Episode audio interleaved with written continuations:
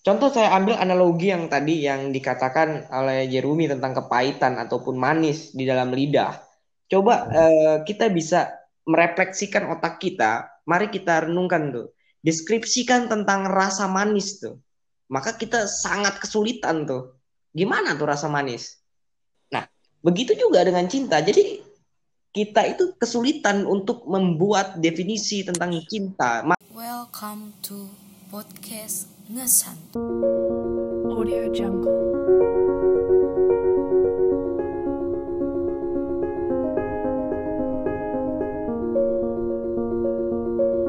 Audio Jungle.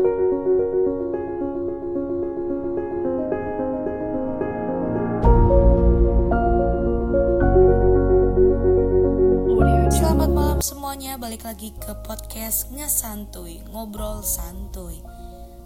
Malam ini eh, bersama gue Dianti Zilda, gue bakal nemenin kalian selama waktu yang tidak ditentukan.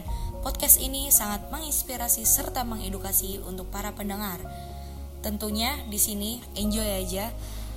Dan buat para pendengar, stay tune.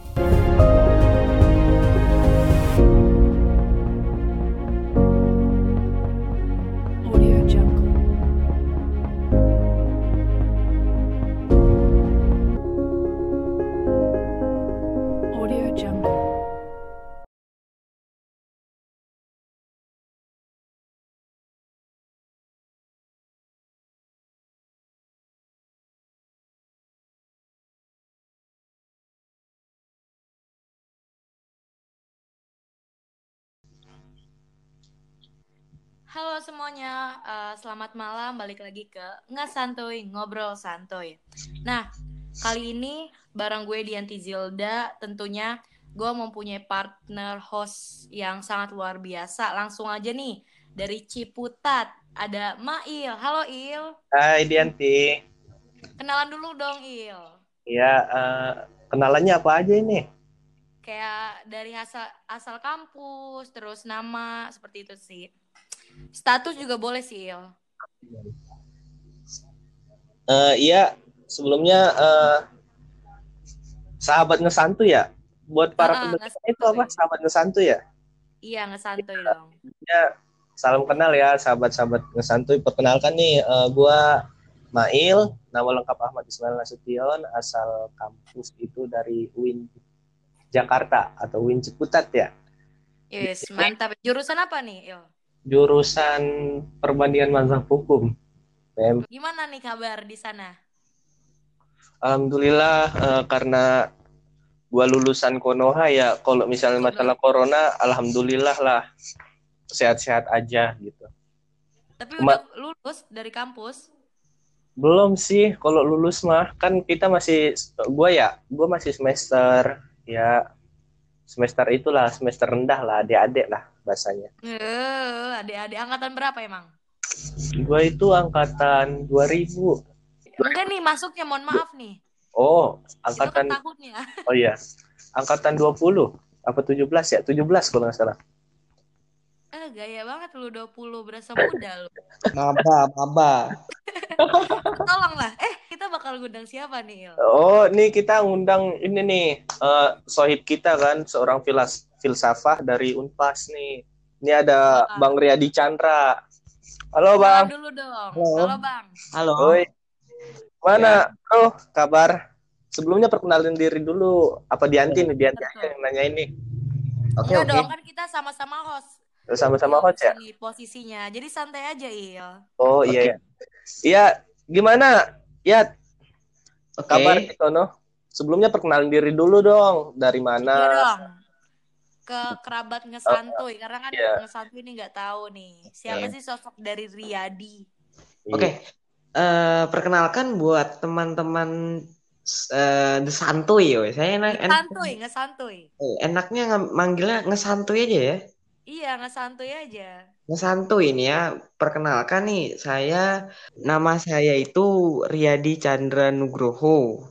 Saya itu bersekolah atau mengenyam pendidikan S1 di Fakultas Hukum Universitas Pasundan.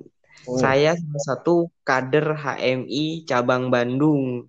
Dan eh, pengkaderan saya sampai di LK2 bersama teman-teman yaitu dari Dianti Zilda dan Ismail dari cabang Ciputat. Nah, buat teman-teman terima kasih eh, telah mengundang saya pribadi untuk eh, menemani diskusi di podcastnya Dianti Zilda. Terima kasih sekali lagi buat Dianti Zilda dan Ismail dari cabang Ciputat. Wah, harusnya kita ya makasih nih, udah mau digangguin malam-malam ya kan, buat ngobrol bareng. Gimana kabar di sana? Eh, Alhamdulillah di Kalimantan saya baik. Terus belum tahu nih mau pulang ke Bandungnya rencana itu ya bulan-bulan Agustus awal. Oh, Agustus. Wah, awal ya, berarti satu bulanan. Udah berapa lama di sana? Di Sudah sekitar bulan Maret dari sini. Dari sana bulan Maret. Berarti sebelum di lockdown ya? Ya, sebelum di lockdown sudah pulang ke Kalimantan. Kita mau ngebahas masalah filsafat cinta gitu kan. Iya. Baik dari perspektif barat dan timur gitu. Dan di nanti mm, mm. implementasinya di Indonesia sendiri kan kita untuk ngambil case-nya gitu. Iya, sebelum ke mungkin itu ke judulnya nih. Gue Mm-mm. pengen tahu sih dari Riyadi dulu gitu kan. Iya. Gue nggak tahu nih di filsafat cinta itu apa gitu. Nah, bisa dijelasin nggak sih eh, makna dari filsafat atau makna dari cinta tersebut? Oke. Eh, kita mengen- eh, mengetahui terlebih dahulu apa isi terminologi dari filsafat itu ya. Yang namanya filsafat itu etimologinya adalah philo dan sophia. Iya. Kalau kita lihat philo itu ya philia, bukan dari apa konsep cinta di dalam uh, kata Yunani kuno itu ada philea, terus ada uh, ada satu lagi tuh, ada dua lagi yang memang dipakai dalam ilmu filsafat itu yaitu philia karena dalam makna philia itu mendapatkan cinta yang akan uh, menuju kepada kebijaksanaan di dalamnya. Jadi Philo dan Sophia atau Philia dan Sophia dalam akar kata filsafat itu adalah pondasi kita di dalam metodologi berpikir maupun dari produk dari filsafat itu sendiri. Jadi kita bisa melihat bahwasannya uh, filsafat sebagai mother of science, induk dari segala ilmu pengetahuan termasuk di dalamnya itu ada cinta. Kalau kita melihat cinta berarti kita bisa melihat dari ranah uh, humanistik. Kita memandang manusia itu bagaikan manusia, jadi kita bisa melakukan pendekatan-pendekatan filsafat tuh. Nah, kita juga bisa melihat tuh filsafat kontren, uh, konsentrasi tentang cinta itu sendiri. Mungkin kita akan membahas atau menyenggol sedikit dengan konsep dari Jerumi, seorang filsuf asal Persia yang memang berkonsentrasi, yang memang di bidang uh, kebijaksanaan tentang cinta itu sendiri. Kan filsafat cinta. Nah, menariknya nih kalimat yang kedua gitu. Cintanya Kalimat apa gimana? eh, kalimat cinta. Cinta Ah, itu kan sering sekali ketika dua orang yang berpasangan, sering sekali itu disebutkan itu kata-kata Iya cinta. benar-benar cinta itu. Dari dari Kang Riyadi sendiri nih, itu cinta itu apa sih gitu? Oke. Definisi cinta itu apa sih sebelum masuk ke Jalaluddin El Rumi gitu kan? Kak, ya gini, karena saya menganggap cinta itu, saya nggak bisa mendefinisikan cinta itu. Saya sepakat dengan kata Rumi, makanya tadi saya itu ingin menyentuh sedikit Rumi untuk menjadi pondasi redaksi saya gitu. Mm-mm. Karena gini, saya sependapat bahwasannya Rumi mengatakan bahwasannya janganlah engkau mencari makna cinta itu dan janganlah engkau menghabiskan hidupmu, waktumu untuk mencari ciri-ciri cinta. Karena kalau kau mengenal itu cinta, maka kau tahu sendiri itu rasanya cinta dan kau sendiri definisi cinta. Walaupun kau tidak bisa men- eh, membentukkan dalam bentuk kata. Nah, seperti itu yang yang saya eh, apa istilahnya pahami dan memang saya amini hingga saat ini. Soalnya saya merasakan cinta itu bagaikan rasa pahit. Jika teman-teman saya tanya gitu ya, Mm-mm. eh, Teh Jil, eh, Teh Dianti atau Kang Ismail, bagaimana rasa pahit itu? Kita bakal kesulitan tuh rasa pahit itu bagaimana rasanya? Ya benar-benar. Ah. Kita harus merasakan yang terlebih dahulu, baru kita mengetahui itu. Nah, kata Jerumi, ya seperti itu. Rasa pahit, rasa manis, kita tidak akan bisa melontarkan dalam bentuk redaksi kalau kita tidak pernah merasakan yang terlebih dahulu tuh. Iya berarti kita rasakan dulu dong, baru kita bisa mendeskripsikan apa itu cinta gitu kan? Ya, jadi gini. Contoh saya ambil analogi yang tadi yang dikatakan oleh Jerumi tentang kepahitan ataupun manis di dalam lidah. Coba eh, kita bisa merefleksikan otak kita. Mari kita renungkan tuh. Deskripsikan tentang rasa manis tuh. Maka kita sangat kesulitan tuh. Gimana tuh rasa manis? Mm-mm. Nah, begitu juga dengan cinta. Jadi kita itu kesulitan untuk membuat definisi tentang cinta, makna tentang cinta. Makanya kalau kita melihat Rumi itu dia mengatakan apa yang kita ketahui definisi tentang cinta itu hanya kulitnya saja. Intinya itu menjadi rahasia sampai kapan pun tuh. Oh gitu ya. Iya. Terkait tadi kan udah ngebahas cinta, apakah cinta itu esensi dari kata cinta itu lebih ke pasangan atau gimana nih menurut lu sendiri ya? Oke. Eh, mungkin saya akan menggambarkan tuh cinta terhadap makhluk atau terhadap pasangan karena kita bisa melihat kalau memang konsep cinta itu eh, kalau dalam apa ya Eric Fromm dia pernah apa namanya menalarkan atau membuat suatu hipotesa tuh yang paling terkenal tuh aforismanya. Dia mengatakan bahwasannya eh, cinta itu eh, apa namanya mengenyampingkan yang namanya logik tuh. Bukankah logik itu bentuk dari keadilan? Tetapi cinta memaknai itu dengan menggunakan insting di dalamnya. Itu. Nah, kita bisa melihat bukankah logik atau logika itu adalah bentuk dari keadilan, tapi jika orang sedang jatuh cinta, maka dia tidak menggunakan logiknya lagi, dia menggunakan instingnya tuh. Contoh, analogi sederhana, kita punya pasangan, saya punya istri, eh, Iya. jam jam 12 malam istri saya itu kelaparan tuh. Dia meminta saya untuk dibelikan eh, sate contoh, makanan tuh. Eh, dalam keadaan hujan deras. Nah, kalau saya berpikir secara logik, maka saya akan tidak bergerak dari tidur saya karena bukankah logik tadi itu adalah keadilan bagi saya tidak adil bagi diri saya sendiri untuk keluar malam-malam dan hujan-hujan tuh. Tetapi Iya. gara-gara cinta, insting saya bergerak tuh. Saya belikan demi dia bahagia itu. Mm-mm. Itu kalau kita terhadap makhluk.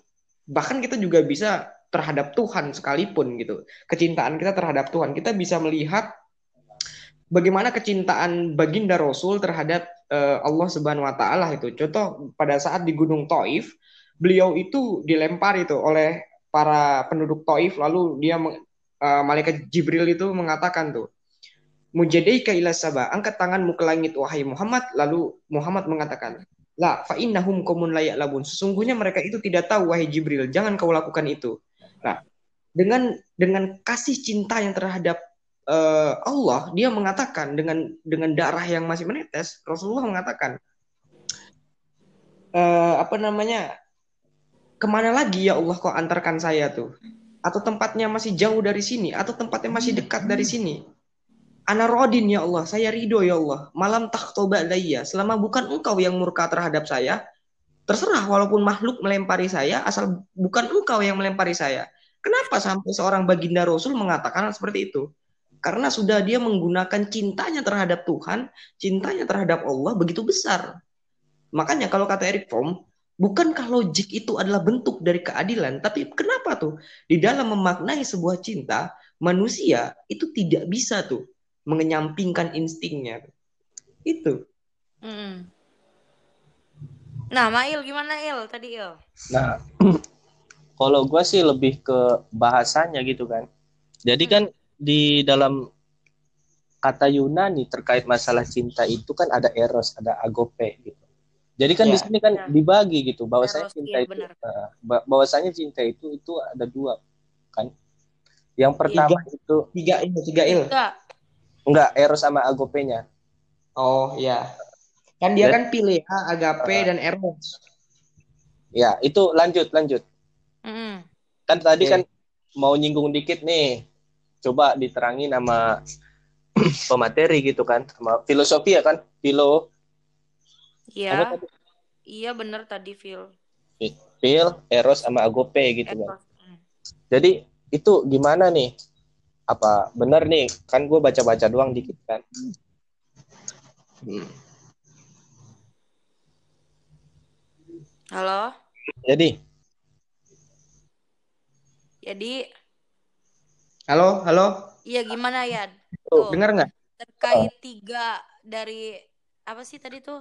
ya Phil, fil, fil, fil, Eros. eros sama agope. Heeh. Ya, jadi gini, eh, kita itu bisa melihat kenapa sih kita itu terhadap eh, filsafat atau pilia yang disebut sebagai pilo akar kata dari terminologinya memakai kata pilia gitu kan. Lantas apa sih bedanya eros, pilia dan agape gitu kan? Hmm. Jadi ada konsep kata cinta tuh di dalam kata cinta Yunani kuno atau dalam naskah Yunani itu kan kita mengenal tiga konsep eros, agape dan philia tuh.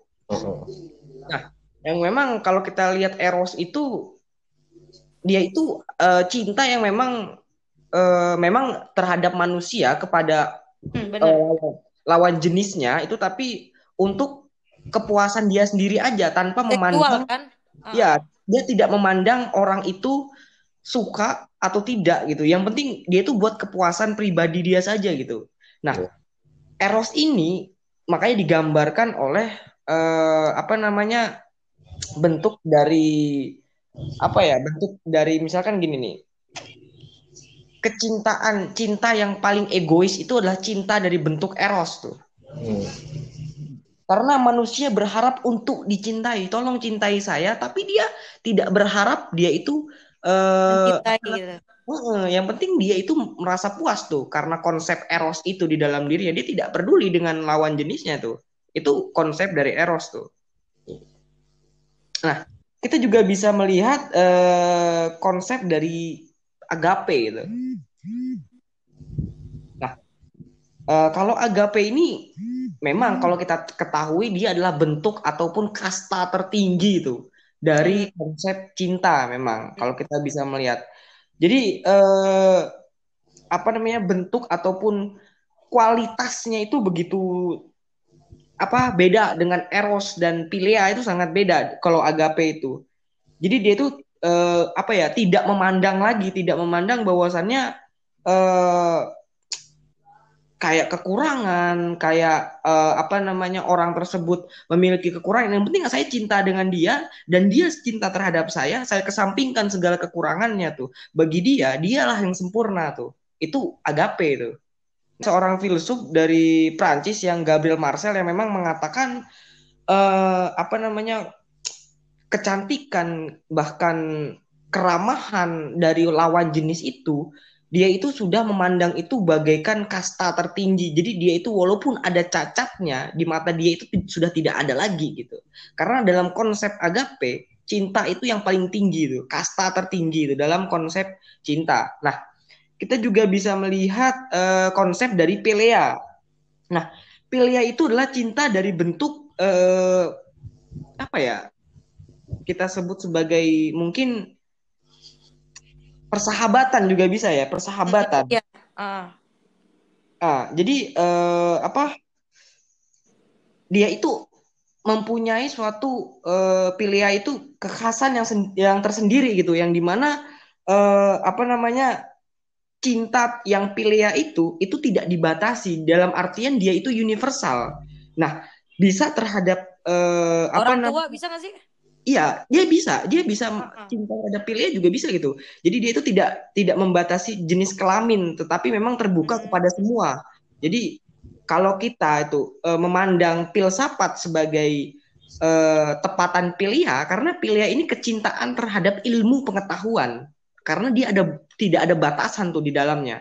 Beda hal dengan agape dan eros tadi yang memang harus menentukan yaitu batasannya adalah lawan jenis tuh, maupun tidak lawan jenis. Contoh seperti eh adanya LGBT di zaman Yunani kuno itu dalam dewa-dewa itu kita bisa melihat itu bukan bentuk dari Pilea tuh. Mm-mm. Nah, tetapi kalau bentuk dari Pilea, Pilea itu tidak memandang lagi tuh. Dia tidak be- eh, memandang lawan jenis, tapi dia juga bisa memandang sebagai ilmu pengetahuan akan kecintaannya gitu. Contoh, makanya dalam ranah filsafat atau Pilo dan Sophia, pil Pilia ini atau Pilo ini adalah bentuk dari kecintaan kita terhadap ilmu. Untuk apa? Sophia kebijaksanaan, mengarungi kebijaksanaan dalam bentuk ilmu gitu. Mm-mm. Itu. Itu perbedaan yang khas dari agape, eros dan philia tuh. Kalau misalnya cinta kepada sang halit itu masuknya ke mana tuh?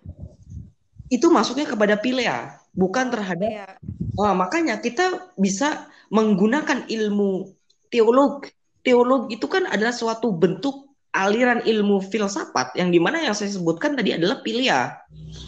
Hmm. Nah, Karena di dalam pil- filsafat itu ada turunan tuh. Contoh seperti eh, teologi. Teologi itu kan ilmu tentang ketuhanan tuh. Iya Nah. ketuhanan. Iya. Ilmu teologi kita itu bisa apa namanya membuat kita lebih cinta, lebih menyayangi, lebih eh, apa ya? Tidak bisa lepas tuh dari yang namanya sang halik atau ilahi itu. Jadi gara-gara ilmu teolog juga bisa kita karena ilmu filsafat atau philia tersebut yang tidak dikasih batasan di dalamnya, maka kita bisa mencintai Tuhan itu. Ibaratnya ya kita pasrah kepada sang halit. Ya. Iya nggak sih? Iya, Ya, dan itu nanti tarikannya ke Mahabbah Robi Atul Adawiyah ya. Kalau misalnya kepada sang Khalik itu. Mm-mm. Nah, kalau untuk dari Ismail sendiri nih, gimana nih pandangannya nih tentang konsep cinta nih? Ya Gimana kan lu.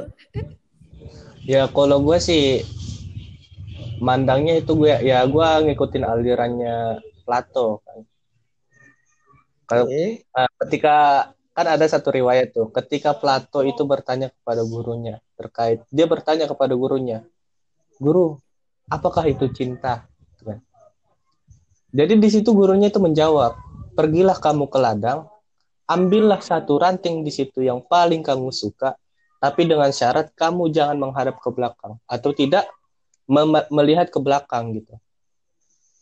Plato dat terus mencari ranting yang ingin dia temui itu. Sampai-sampai datang kembali ke gurunya tanpa membawa apa pun. Di situ gurunya bertanya, "Kamu tidak membawa apa pun?" "Iya."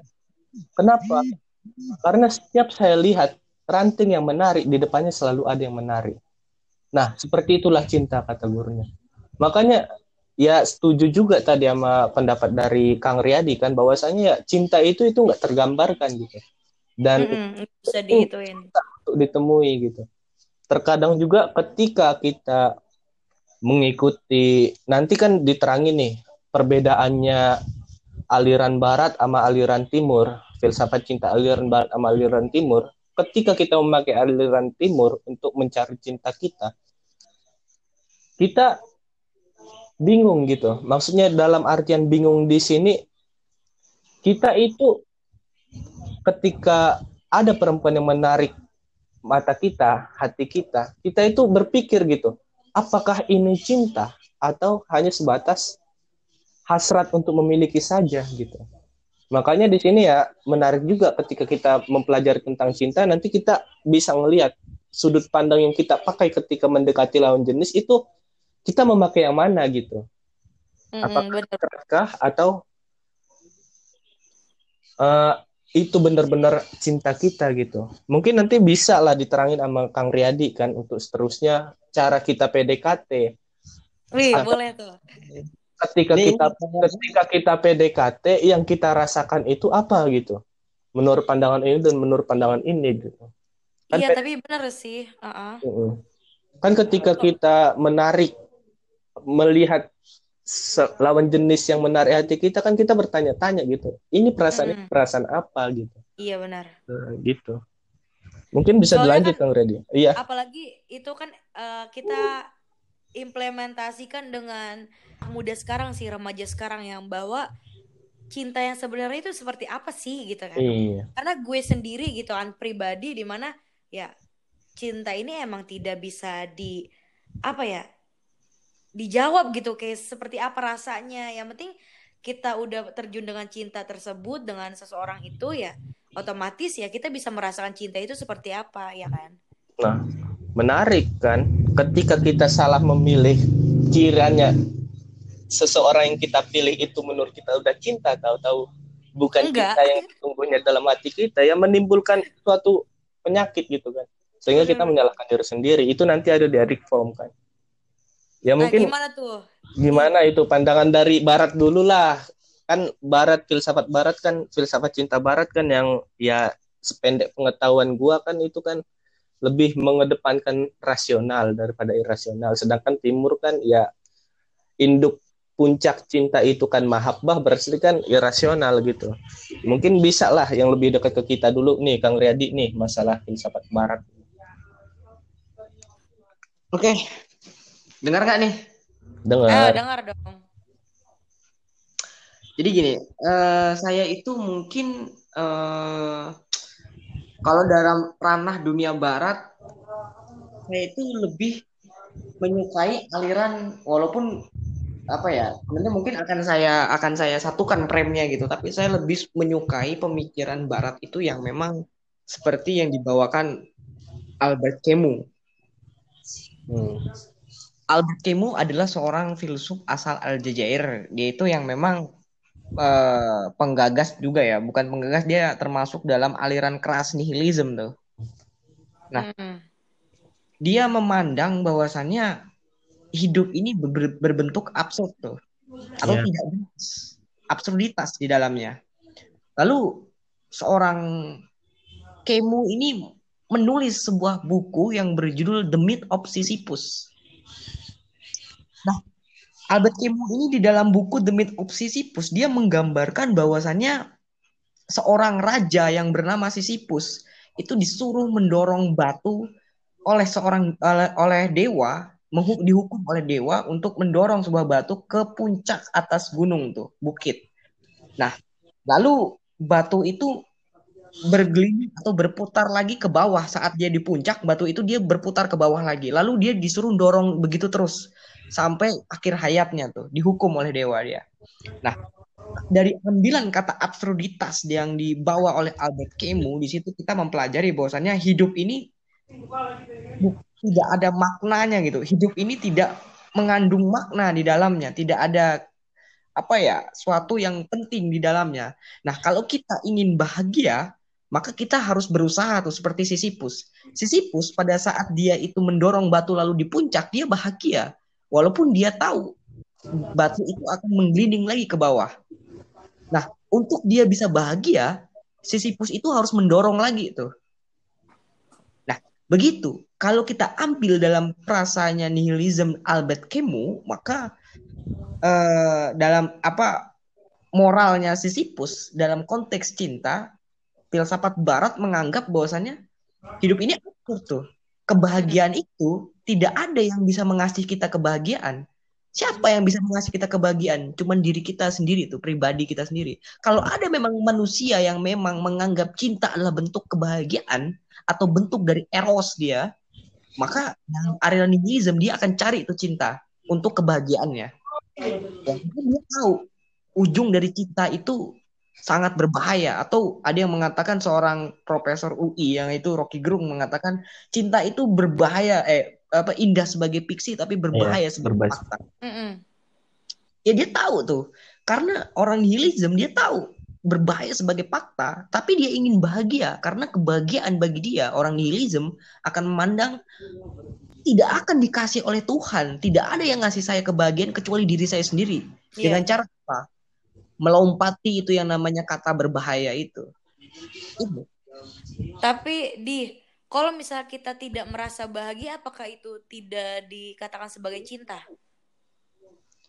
Gini, kebahagiaan di dalam ranah konteks cinta. Contoh ada orang yang memang mengedepankan contoh yang saya sebutkan tadi, bagi dia cinta itu membuat dia bahagia. Ada yang mengatakan bagi dia lagu itu membuat dia bahagia dan bagi dia eh, gonta-ganti pasangan itu adalah bentuk dari kebahagiaan dia tuh. Mm-mm. Itu kita bisa katakan itu adalah bentuk dari cinta dia tuh. Itu adalah bentuk dari kebahagiaan ataupun keinginan dalam bentuk cinta. Frame-nya adalah cinta di dalamnya. Cinta itu yang saya katakan tadi, kalau dalam ranah pilia, dia tidak terbendung batasan di dalamnya. Dia itu luas, tidak harus terhadap pasangan lawan jenis. Contoh tadi yang saya katakan, dia cinta terhadap lagu demi kebahagiaannya, maka itu adalah bentuk dari pilea tuh. Contoh seorang filsuf tidak menikah karena dia cinta dengan ilmu pengetahuan, bagi dia ya itu kebahagiaan dia. Iya sih, gue menarik sih. Gue sedikit baca itu kan tentang The Art of Living-nya Eric Fromm. Di situ Hah? ngeliat gitu. Eric Fromm itu menyebutkan bahwasanya cinta itu adalah sebuah komoditi gitu. Wah, menarik ketika cinta itu dijadikan sebuah komoditi gitu. Jadi sesu sesuatu yang kita cintai, misalnya, oke, kalau misalnya barang, kita analogikan kepada barang, kita mencintai suatu barang, atau kita membeli suatu barang yang menurut kita itu membuat kita nyaman. Nah, padahal barang itu nggak mempunyai manfaat sama sekali kepada kita gitu. Tapi Hmm. kita membuatnya nyaman gitu. Iya. Itu diterangkan kan. Kenapa sih kita beli barang ini? Ya karena saya pengen gitu. Dan ada juga contohnya di situ juga ketika kita itu berkawan atau kita itu berhubungan dengan sese seseorang gitu. Orang ini dilihat kalau misalnya di zaman neokapitalis seperti sekarang itu bukan hanya sebatas harganya gitu, harga dari seseorang itu gitu, tapi kegunaan dari seseorang gitu. Gue menarik gitu ketika gue sambungkan ketika kita, cinta itu adalah sesuatu yang bisa kita gunakan gitu. Ketika kita tidak mempunyai kita ketika tidak kita tidak membutuhkannya kita buang aja gitu. Apakah seperti itu gitu pendapatnya Eric Fromm di masalah filsafat cinta ini gitu? Jadi dia cuma kepuasan diri dia sendiri ya nggak sih? Iya.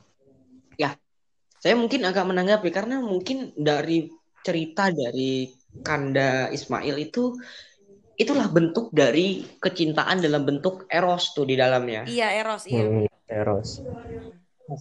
Dari bentuk eros itulah dia tidak memandang eh, lawan jenisnya itu suka terhadap dia, yang penting dia puas tuh di dalamnya. Karena memang dia memandang cinta itu sebagai komoditi atau bisa diperjualbelikan tuh atau didagangkan di dalamnya. Nah, kita memaknai cinta diperjualbelikan saat cinta itu sudah tidak berguna bagi dia lagi dan nilainya tidak ada bagi dia, maka dia bisa membuangnya begitu saja tuh. Nah, itulah bentuk eh, dari kecintaan dalam bentuk eros tuh yang saya sebutkan Hmm. tadi. Nah, kalau kita bisa melihat mungkin yang mempengaruhi ataupun yang menelatar belakangi kenapa nih seorang pemikir besar yaitu Eric Fromm mengatakan bahwasannya cinta adalah komoditi itu.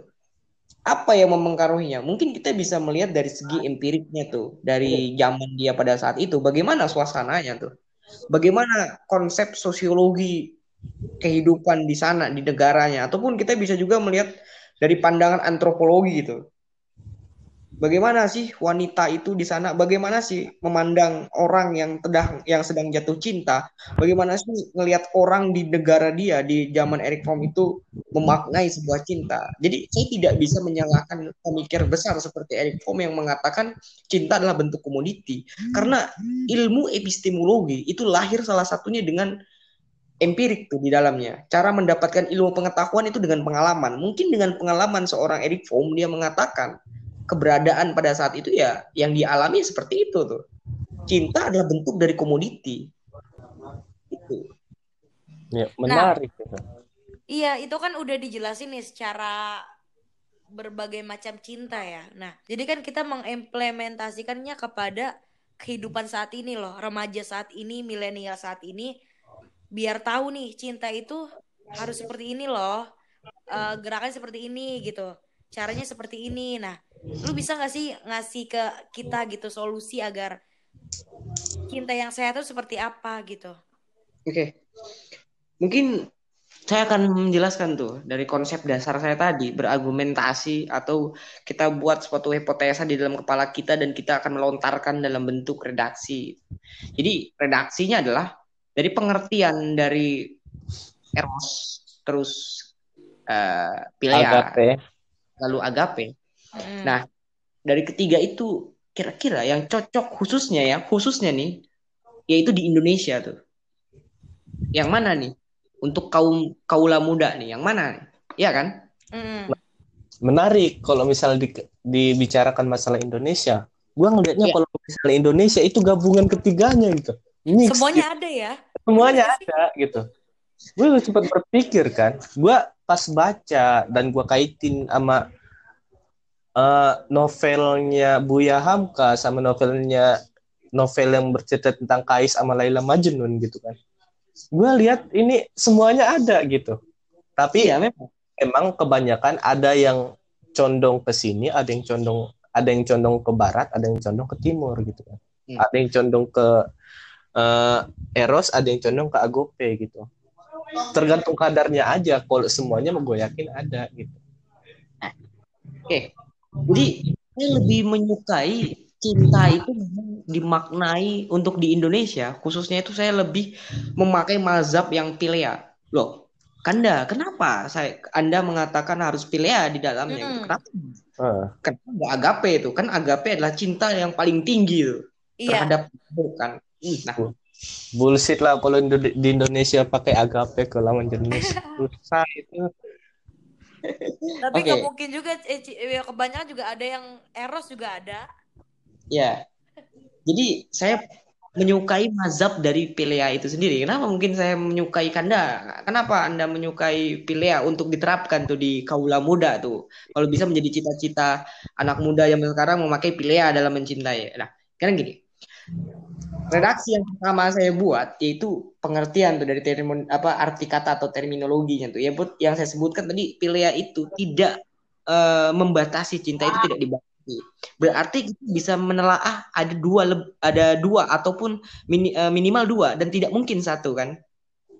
Iya. Karena tidak ada batasan. Kalau yang agape dan eros itu hanya lawan jenis di dalamnya. Nah, Mm. kenapa di dalamnya itu pilea itu lebih dari satu dan dua? Kenapa itu diperlukan? Satu gini, kita adalah secara antropolog, kita itu secara kebudayaan, kita itu adalah eh, masyarakat yang beragama di dalamnya.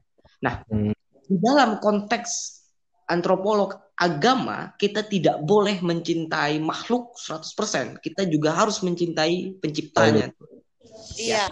Ah, Kalau di dalam- konteks Islam, kita itu mengatakan tuh, kita rangkul antara Tuhan dan makhluk dengan kata yang paling aforisma yang paling terkenal yaitu Anna uhibbu kafillah. Aku mencintaimu karena Allah gitu. iya Oke. benar.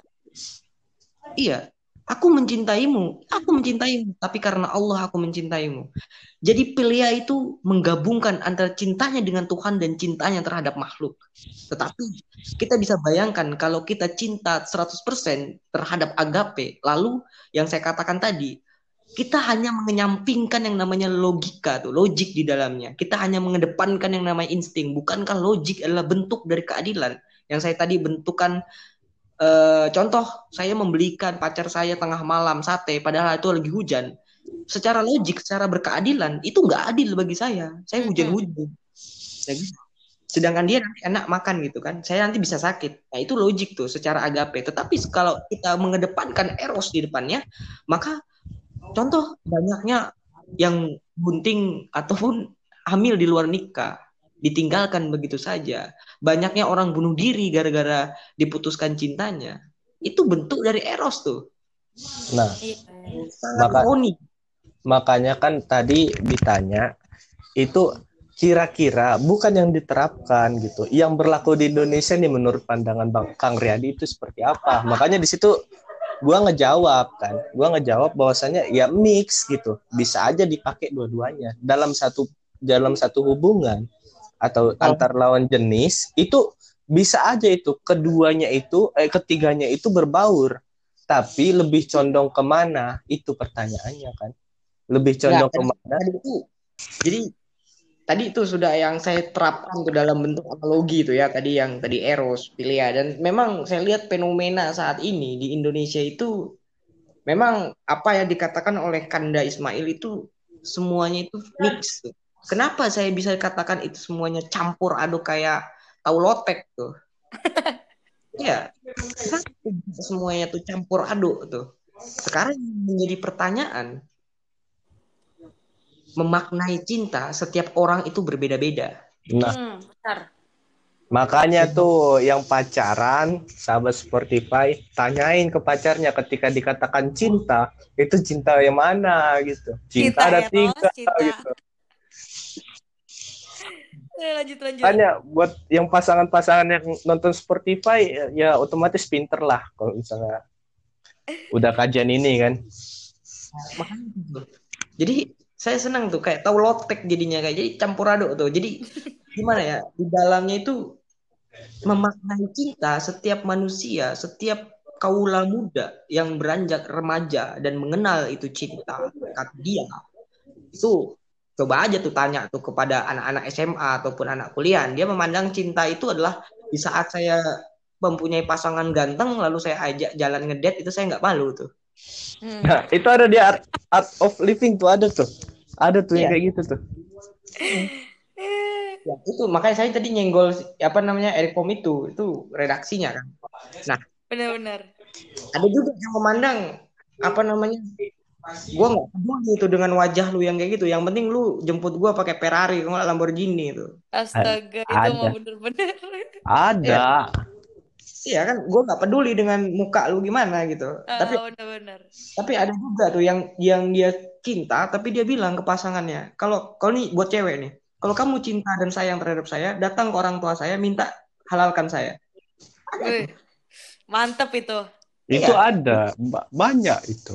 Nah, makanya itu itu bentuk kan mix tuh remaja zaman sekarang itu dia memilih tuh bagi dia cinta yang bagaimana bagi dia enak kalau dia suka orangnya misalkan uh, mencari eksistensi tanpa menyampingkan esensi di dalamnya seharusnya dia paham tuh eksistensi itu sifatnya sementara tuh tapi Hmm. kebanyakan kita itu melihat eksistensi dia ganteng dia menjadi pacar kita tidak pun kita akan memilih suami karena ganteng tuh atau eh, apa namanya karena rupawan gitu karena memang dia wajahnya memang bagus gitu dia ganteng Iya, bahasa mainstreamnya memperbaiki keturunan lah ya. Iya.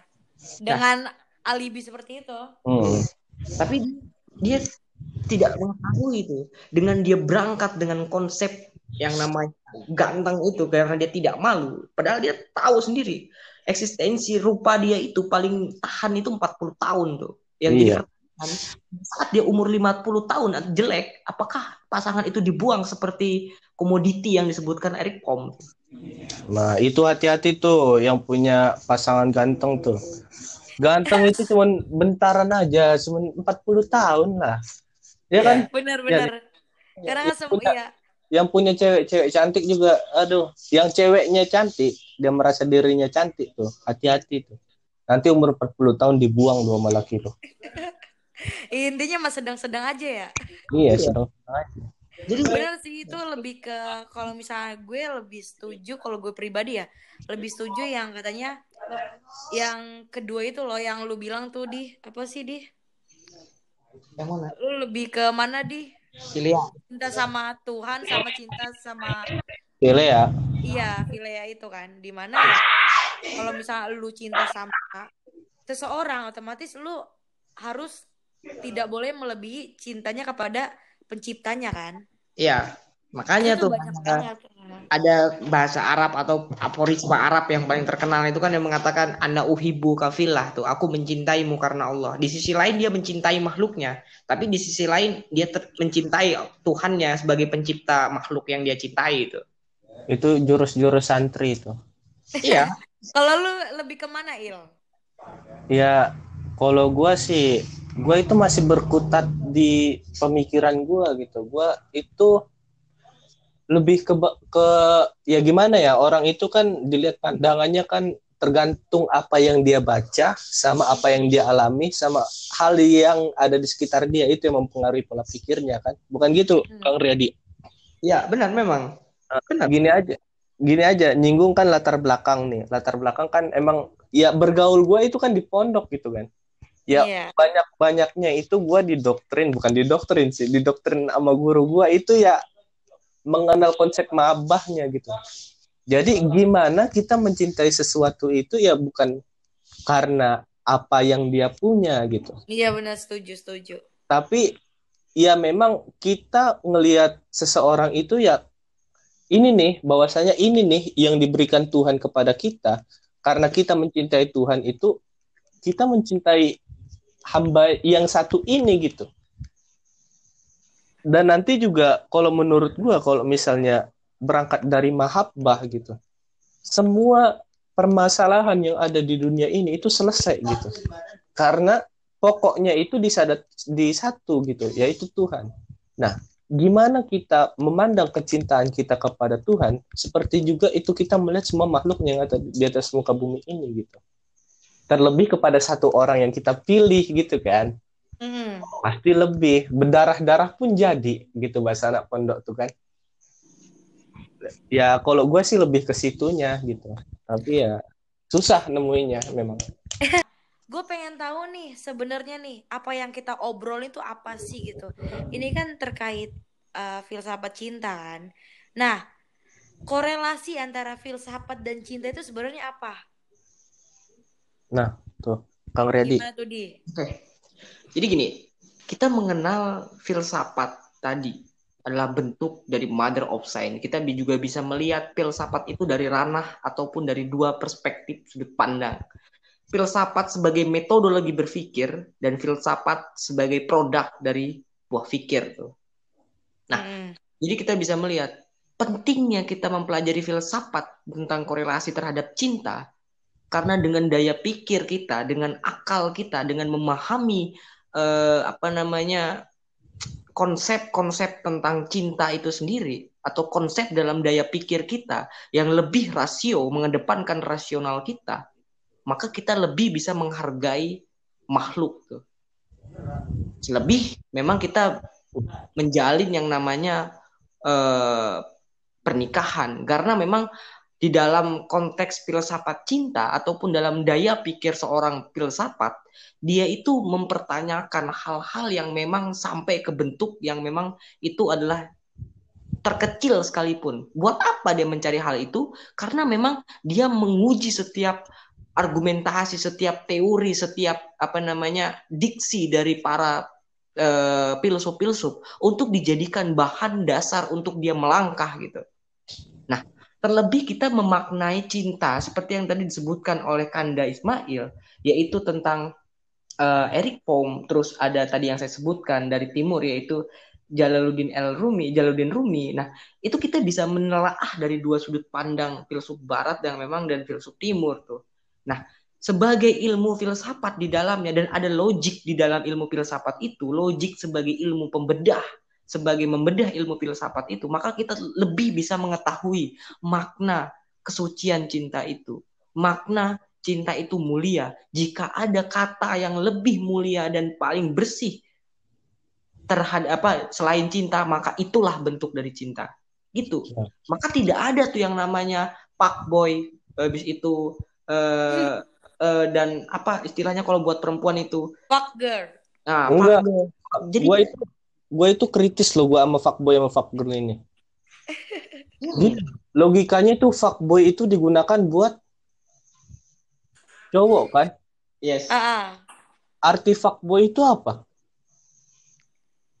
cowok bangsat Iya.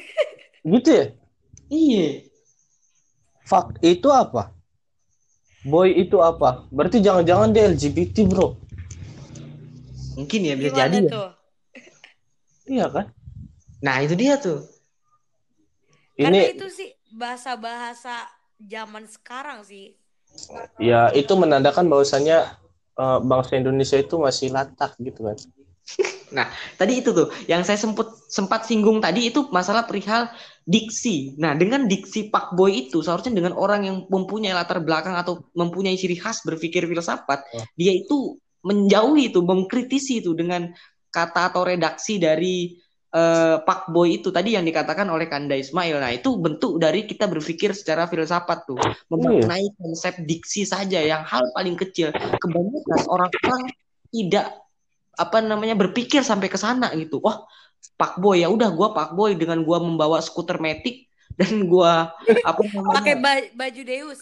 Nah, baju demo sih udah tuh gua ke taman atau gua ke alun-alun, gua jadi Pak Boy deh gitu. Dengan bangganya seperti itu tuh. Iya bener. Kadang emang sih orang-orang ya mungkin remaja saat ini tuh kebanyakan tuh ya fuckboy dan fuckgirl tuh apa sih gitu kan kan nggak Iya. tahu kan dia cuma ngikut-ngikut dari kata-kata itu sehingga ia menerapkan ke kehidupan dia padahal dari bahasa itu tuh nggak nyambung iya nggak sih nggak nyambung banget gitu. De- dengan PD-nya dia mengaku bahwasanya dia itu fuckboy gitu kan. Eh gila lu dalam hati gue. Keren dalam hati gue. iya bener itu suatu fuckboy dan fuckgirl itu buat mereka tuh keren